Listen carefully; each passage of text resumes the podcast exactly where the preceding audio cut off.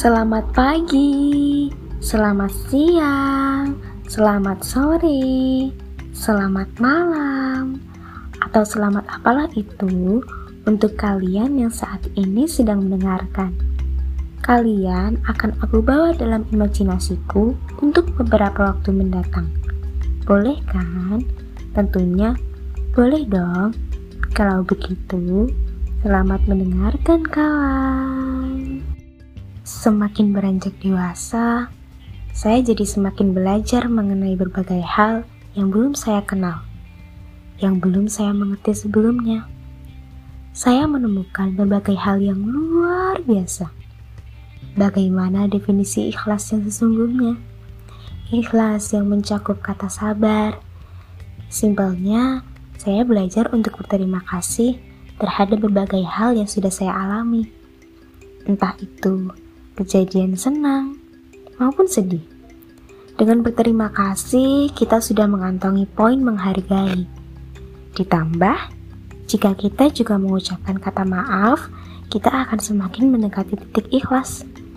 Pada hal buruk sekalipun, kita juga harus berterima kasih dan minta maaf. Kenapa? Karena Definisi ikhlas itu didasarkan pada suatu perasaan di mana kita telah menyelesaikan yang sebelumnya dan siap menghadapi perjalanan berikutnya. Berterima kasih karena sudah mengajarkan diri kita bahwa hal tersebut memberikan pengaruh baik atau buruk.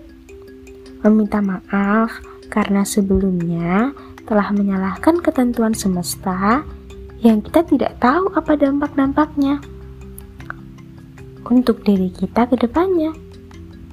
Bisa jadi dengan adanya kejadian tersebut, kita bisa lebih aware terhadap hal yang tidak baik untuk diri kita, sehingga langkah dalam red carpet yang telah disediakan bisa kita lewati dengan baik. Berbicara tentang pendewasaan, kalian tahu gak sih? Ternyata Tuhan tidak sekejam yang saya bayangkan. Dia sangat menghargai setiap hal-hal kecil dan menyimak benar-benar apa yang dikatakan lawan bicaranya. Dengan kejadian awal yang mengejutkan, saya sangat berterima kasih telah memperbaiki kecemasan saya dengan ending yang sangat memukau. Semoga langkahmu selalu diberkahi Allah dan istiqomah terhadap keputusannya ya Tuhan. Untuk teman-teman, jangan pernah lelah untuk menjadi baik. Suatu permasalahan terkadang memang perlu dibiarkan untuk menemukan suatu pencapaian tanpa kekerasan.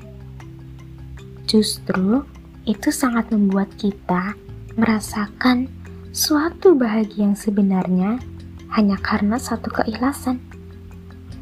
Karena dari satu keikhlasan itu, kita bisa melahirkan ikhlas-ikhlas berikutnya. Dengan kita mengerti dan telah berada dalam fase ikhlas itu, secara tidak langsung kita sudah berada di langkah selanjutnya untuk melanjutkan perjalanan-perjalanan terbaik kita. Tapi kita juga harus ingat bahwa semakin baik seorang manusia, cobaan yang dihadapi juga semakin banyak. Oleh karena itu, perjalanan yang sebelumnya telah kita lalui sebaiknya dijadikan pelajaran sehingga kita tidak akan melakukan kesalahan yang sama. Tetapi, namanya manusia, tidak ada yang sempurna.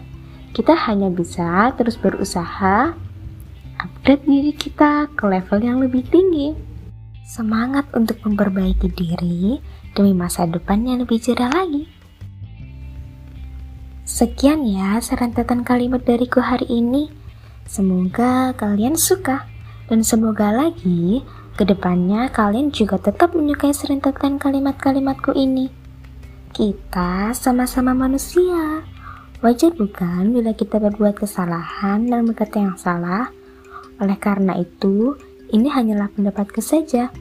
Jika kalian memiliki pendapat yang lain, mungkin kalian bisa berbagi cerita kepada teman-teman terdekat kalian. Sekian dan terima kasih teman-temanku.